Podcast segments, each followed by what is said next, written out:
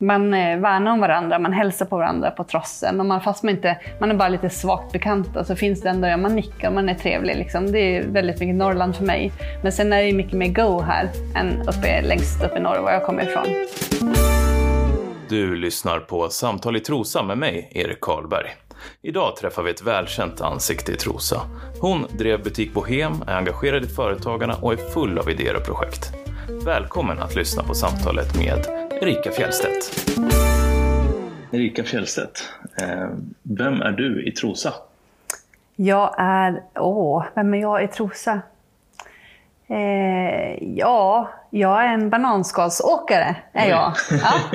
För jag har gjort jättemycket roliga saker i Trosa. Ja. Och jag fortsätter och ska göra mer roliga saker i Trosa. Mm. Mm. Eh, bananskalsåkare, det var bra. Nej, jag eh, har varit företagare sedan jag flyttade ner eh, 2003 till Trosa. Och testade olika branscher. Från, eh, började med hälsobranschen med massageterapeut och yogalärare och startade en yogastudio som fortfarande finns kvar. Eh, så många har gått på mina yogaklasser. Just det. Vilken yogastudio är det? Studio Harmoni, Studio Harmoni. i Klädhuset, eller Gallerian. Jag hade en studio också innan på Victoriagatan i Polishuset. Det var så jag började min karriär och så. Sen så, så jag hade tio klasser i veckan och hundra personer i Trosa som yogade för mig varje vecka. Mm. Men eh, jag drivs ju inte av pengar och, och framgång, jag drivs på från hjärtat som företagare. Så efter ett tag så kände jag att nej, men nu är det dags att gå vidare. Och jag kan mer och jag vill upptäcka mer. Så jag sålde den 2011. Mm. Till en kvinna som heter Marie som har drivit den fram till förra året eller året innan. Eh, så det, jag är mamma till den. Sen har jag varit eh, eh in i utbildningsvärlden och jag är där igen. Men jag fick en liten, jag hade en dröm, en vision att jag skulle någon gång ha min egen butik. Just det. Det där, och, där någonstans så ja, men precis. kom den här butiken ja, in i bilden. Ja, och den, eh, eh, jag, har haft, jag har jobbat i en inredningsbutik som fanns förut i Trosa och tänkte att någon gång ska jag ha min egen. Och eh, jag hade precis fått mitt andra barn och det är inte läge, men eh, är det så att den här lokalen blir ledig, då är det meningen. Så jag gick in till Darling Design som hade den lokalen innan mig och frågade hej, när får jag köpa den här? Och de sa imorgon. Ja. så att jag öppnade precis ja, 2014 när min yngsta dotter var ett år. Just det. Ja, så det blev butik på hem. Butik på hem 2014 då. Ja. Och vad, vad var idén med, med butiken? Nej, mer som en inspirationskälla men också liksom var en speciell handplockat sortiment. När en säljare sa till mig, Erika, det här måste du ta in den här tar alla in och alla säljer jättebra. Mm. Då tog jag inte in den. Nej. För jag vill att det ska vara unik. Liksom. Det ska finnas. Det finns bara en butik på Hem och det är handplockade och utgår efter vad jag tycker är fint. Så jag kunde faktiskt stolt säga att varenda sak som stod inne i butiken var vad jag stod upp för. Mm. Eh, så, att, eh, så handplocket är unikt. Och, eh, också sortiment som från 0 till 100, liksom. från dam till herr. Herren är svårt att fixa presenter till, mm. men jag skulle ändå, den här bredden, så jag hade många kunder som kom till mig för att hitta presenter till alla under jul. Och de tyckte det var så skönt, jag behövde bara gå till en butik och hitta det till alla. Ja. Ja. För den som inte har, har besökt butik Bohem, eller besökt ja. under den tiden, vad, vad var känslan när man klev in i i butiken? Ja, färg och glädje tycker jag i alla fall. Mm. och eh, ja, men att eh, saker och ting stod inte på samma ställe varje dag. Utan vi, det var levande, en levande butik. Just det. Eh, hade otroligt bra personal som hade öga för det där också. Lärde sig snabbt och var snabb på fötterna. Gjorde om butiken, skyltade om och det skulle kännas att fast man gick dit en gång i veckan så var det någonting nytt. Det. Så det var så inspiration och lite så lekfullhet och väldigt mycket färg. Mm. Mm. Just det, häftigt. Och eh, vad, vad hände sen? Hur, hur länge drev du butiken? Nej, men jag startade butiken och sa jag ger det fem år. Mm. Och jag har aldrig varit en förvaltare av ett företag, utan jag är mer en startup. Liksom. Jag gillar att, att starta och se, testa och hitta en ram och en form. Och, så att hade jag varit driven av pengar skulle jag ägt kvar butiken och drivit den vidare. Men jag är liksom, jag vill vidare, jag är nyfiken på livet, vad som kan ge. Så att, eh, försökte sälja hela konceptet men sen kom det en pandemi däremellan så det blev att jag, det var en annan som klev in på hyreskontraktet bara. Så butik på hem ligger och vilar kan man säga. Får Ja. se om den kanske dyker upp någon annanstans i ett annat form, format. Men eh, jag känner att den, eh, den var väldigt bra och jag är väldigt stolt över den nu i efterhand. Jag jobbade sjukt mycket med den och jag har jobbat väldigt mycket den senaste. Jag hade den igång i, ja, i nästan sju år Mm. och jag har jobbat väldigt mycket. Så att eh, nu efterhand kan jag klappa mig själv på axeln så här, det där gjorde du bra. Just det. Mm. Ja. Och spara kvar de, de bra grejerna för framtiden. Ja, men precis. Så att eh, man vet aldrig när en butik på hem kommer upp igen. Men just nu ligger den på vila. Ja. Mm. Intressant. Eh, Och de- den här butiken som ligger i samma lokal nu, Mm. vad, vad, vad gör de där nu? Det är också en inredningsbutik och presentbutik. Eh, skillnaden där är att hon är florist och det var inte jag. Hon har riktiga blommor, jag hade konstväxter. Ah. En jättestor skillnad. Alltså, ja, precis. Så där är väl eh, så. Sen är det ju så här, hon är hon och jag är jag. Liksom. Men eh, den är jättefin och, och så. Så att, eh, jag är glad att det är en inre- inredningsbutik som fick eh, starta upp där igen. Just det, fortsätta där. Precis. Eh, ja, det var butik Bohem. Eh, berätta om Företagarna. Där är du aktiv också. Ja, precis. Eh, Jag blev faktiskt medlem i Företagarna när jag blev invald i styrelsen. För jag hade inte riktigt fattat poängen med varför man ska vara medlem i Företagarna. Men det är otroligt häftig liksom, påverkningsgrad i, i företagsklimatet i hela Sverige faktiskt. Men jag brinner för lo- lokala. Så att jag eh, jobbar mycket eh, med att ja, evenemang och events för att göra eh, mötesplatser för företagare men också att eh, företagaren ska få sin röst hörd mot kommunen och tjänstemännen bland annat.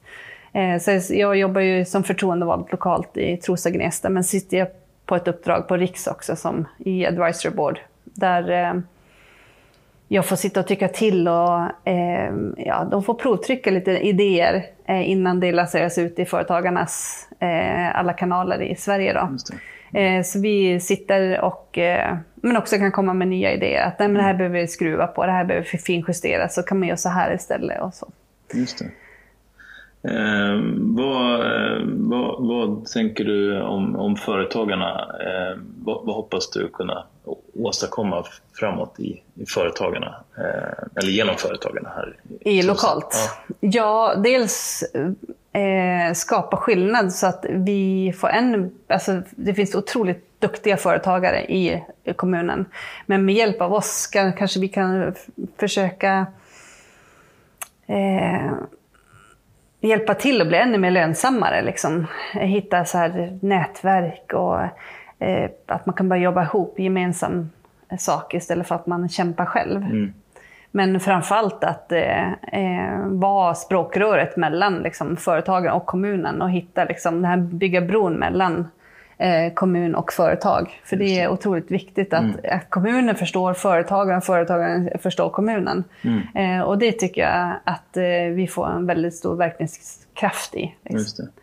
Så att, eh, det är ju bara att eh, vi ligger ju på topp i, i företagsklimatet i Sverige. Och det är bara att fortsätta. Och vi har ju fantastiskt bra samarbete i båda kommunerna. Och att vi är ju en stark röst. Så att eh, jag vill ju i fortsättningsvis att företagen lokalt, både i Gnesta och Trosa, förstår att om de kommer till oss med en fråga kan vi lyfta det eh, lokalt. Vi kan till och med lyfta det på eh, riksnivå. Mm. Så att vi har muskler eh, bakom och otroligt mycket kompetens på Rikskontoret men också lokalt. Vi alla är ju företagare som sitter i styrelsen med olika kompetenser. Att- Just. Hur, hur viktigt är företagande för, för, för Trosaborna? Eller någon som, Otroligt viktigt. Alltså vi har ju våra skattepengar som, alltså det är ju, kommer jättemycket från företag. Så det är jätteviktigt att företagen mår bra i Trosa. Och att de får, eh, får plats att utveckla. Sen är, det ju liksom, sen är det ju vissa saker som är väldigt svårt att påverka. Det är ju liksom om man behöver mer mark och utveckla Ja, sina så. Men eh, kommunen är väldigt lyhörd. Eh, så att det är så att de har fattat att det är viktigt. Just det. Når, når man de, som är företagare som, som bor här men som inte verkar här? Det är en, en del av Trosa befolkningen så att säga, som har företag fast de ja, bor här och jobbar? Absolut. Det är en jättestor del och det ser man ju nu under pandemin att det är otroligt många nystartade företag med mycket konsultfirmor mm. till exempel. Och då har de, de bor här och sin adress här men eh, är verksamma uppe i Stockholm mm. till exempel. Så det, och de är ju svåra att nå eftersom de, inte, de jobbar ju inte lokalt. Men vi har ju, eller inte vi, men Trosa kommun har ju register. Så att vi försöker skicka ut till alla företag, alla mm. våra events. Så där, det, på så sätt kan vi få in dem också. Just det, och hjälpa dem också. Um, ja, intressant. Som du säger, Trosa är ju, en, är ju lite känt till och med för mm. företagsklimatet. Så. Um, men till en helt annan fråga. Um, mitt intryck av det är att du har engagerat dig i det här med Företagarna, eh, haft en butik på Hem och en massa andra sådana mm. projekt. Eh, men du håller också på med fotboll. Ja, nej, alltså. Eller? Nej, nej ja, en fotbollsmamma kan man säga. Fotbollsmamma, ja, ja. Precis. Nej, men det är ju så här, ehm, eh, min dotter ville börja spela fotboll, fanns inget lag. Då behövdes en lagledare. Och, eh, nej, men jag gillar bollar i luften, så jag är en lagledare och eh, driver ett eh, flicklag. Så att det är väl, jag är en skidåkare, så jag kan ingenting med fotboll. Men eh, jag sa, eh, när jag, jag, fick se min dotter gå ut hand i hand med en dansk fotbollsspelare in på Friends Arena mot Sverige-Danmark för några år sedan, då tänkte jag så här, undrar om det är nu jag ska bli fotbollsintresserad. Och det var det. För det var där jag satt på första raden och se, såg hela svenska landslaget värma upp framför mig. Då blev jag fotbollsintresserad. Ja. Ja, nu tycker jag jättemycket med fotboll. Just det, och så ja. nu är du engagerad Ja, precis. Och det är också lokalt. Så det är, ja. Ja, det går i linje med det. Eh, men annars så har du hållit på med lite grann med retorikutbildningar också. Ja, men precis. Och så att jag har alltid haft två ben att stå på genom hela mitt företagande. Så jag har haft en huvudsyssla och sen har jag alltid gjort någonting bara för att jag tror, eller jag funkar inte med att bara göra en sak, för då stannar jag av lite grann. Så jag har alltid haft ett ben att stå på. Och det benet, det andra benet jag har stått på har varit att jag jobbar med min svärfar som har haft, eller eh, erbjudit retorikutbildningar i 30 år. Så han var bland de första retoriklärarna i Sverige. Så att, eh, och jag kom in via att jag är tekniskt lagd. han ville ha hjälp med att eh, göra en kurs i i PowerPoint och retorik. Det var så jag kom in och sen har jag följt med han på hans kurser och lärt mig och pluggat på Södertörn. Så nu gör jag mina egna retorikutbildningar och tagit över hans kunskapsskatt kan man mm. säga. Så att, eh, ja, och jag tycker det alltså jag har jobbat en brokig bakgrund från Dime Master i Thailand till att jag har stått och välkomnat folk i en reception i Riksgränsen till att jag, ja, jag har varit på väldigt många ställen och retoriken finns ju där hela tiden. När man dyker med en kund till exempel kan man inte prata och då är det bara kroppsspråk som gäller. Eh, när man står uppe på en fjällanläggning och de kommer trötta efter nattåget så då är det också retorik och så att de känner sig välkomna. Så det finns ju liksom hela tiden genom hela eh, mitt liv har retoriken funnits där och varit väldigt lätt för mig att förstå fast jag inte vet att det är egentligen retorik jag har varit duktig på. Mm. Så att, det, eh, det var rätt så lätt för mig att applicera. Bara, Jaha, ja, ja, men är det här? Ja, mm. så. Så att, eh, eh, och när jag var yogalärare också, där är det otroligt mycket retorik. Hur kan man få en stressad person att bli lugn? Jo, men det är ju via min kroppsspråk och hur jag pratar, hur jag för mig och liksom mm. hur jag lägger upp talet. Liksom så så att det, retoriken finns ju här och alla har ju det och använder det varje dag. Mm. Så att det, det tycker jag är häftigt att se folk att från en talängslan så att de inte kan stå inför folk, de bara går därifrån, till att de kan stå helt avslappnad på två dagar. Det är liksom en ynnest att få vara med och se att man kan bygga det. För då har jag satt ihop liksom verktyg från yogavärlden med retoriken och sen, ja, så det, de får bära varandra lite grann. Just det. Ja, spännande. Mm. Eh, du pratar om att du har gjort eh, en hel del olika saker. Mm. Eh, berätta, hur, hur kom det sig att du hamnade i Trosa? ja, hur gick det till? 2001 så var jag i Trosa för första gången och då var jag med en kompis. Jag är uppvuxen uppe i norra Sverige så att jag har knappt varit söder om Stockholm. Så att, då käkade jag en Piggelin och gick utanför hamnmagasinet på Bomans. Så sa jag så här, Åh, här ska jag bo när jag blir stor. Och sen året efter så träffade jag min man uppe i Riksgränsen. Vi båda två jobbade där uppe. Och han sa att eh, hans föräldrar bor i Trosa. Eh, och då sa jag, du fattar väl att vi ska gifta oss? Va? Han bara, ja, ja visst. Så att han, eh, vi är gifta och vi har varit tillsammans i snart 20 år. Eh, så att, eh, ja, det är ju jättemycket Norrland över det, fast på ett helt annat sätt. Man eh, värnar om varandra, man hälsar på varandra på trossen. Och man, fast man, inte, man är bara lite svagt bekanta så finns det ändå, ja, man nickar och man är trevlig. Liksom. Det är väldigt mycket Norrland för mig. Men sen är det mycket mer go här än uppe, längst upp i norr, var jag kommer ifrån. Så att det finns igenkänningsfaktorer så. så att jag trodde inte jag skulle bo i Trosa. Och trivas så bra som jag gjorde. Vi sa två år. Och nu har vi bott här sedan 2003. Just det. Mm. Hur, hur såg du på Trosa? Du ja, blev ju förtjust i det såklart, då, mm. över Pigolinen. Ja. hur såg du på livet här då, när du kom norrifrån? Så att säga? Tänkte du att, eh, att det skulle kunna vara som, som norröver? Ja, alltså jag känner mig väldigt hemma väldigt fort här. Just folk var väldigt trevliga och hjälpsamma. Mm. Jag började direkt som massageterapeut, för det fanns bara en massör då i Trosa. Så jag fick, kom ju väldigt lätt in i, i svängen och träffa mycket folk. Men eh, jag tycker det är väldigt öppet samhälle, eller stad. Liksom. Mm. Jag tycker det var lätt att skapa kontakt. Och, eh, väldigt vacker stad också. Mm. Eh, sen trodde inte jag att jag skulle bo så långt söderut och det var ju absolut inte tanken. Så det, det, har ju eh, Ja, nej men jag är fortfarande häpen varje gång jag ser magnolia slå ut i mm. Trosa. För att eh, blommor, eller träd kan väl inte blomma.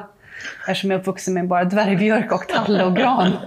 så att, eh, efter så många år så kan jag fortfarande bli förförd av liksom, det vackra i, i vår stad. Ja, mm.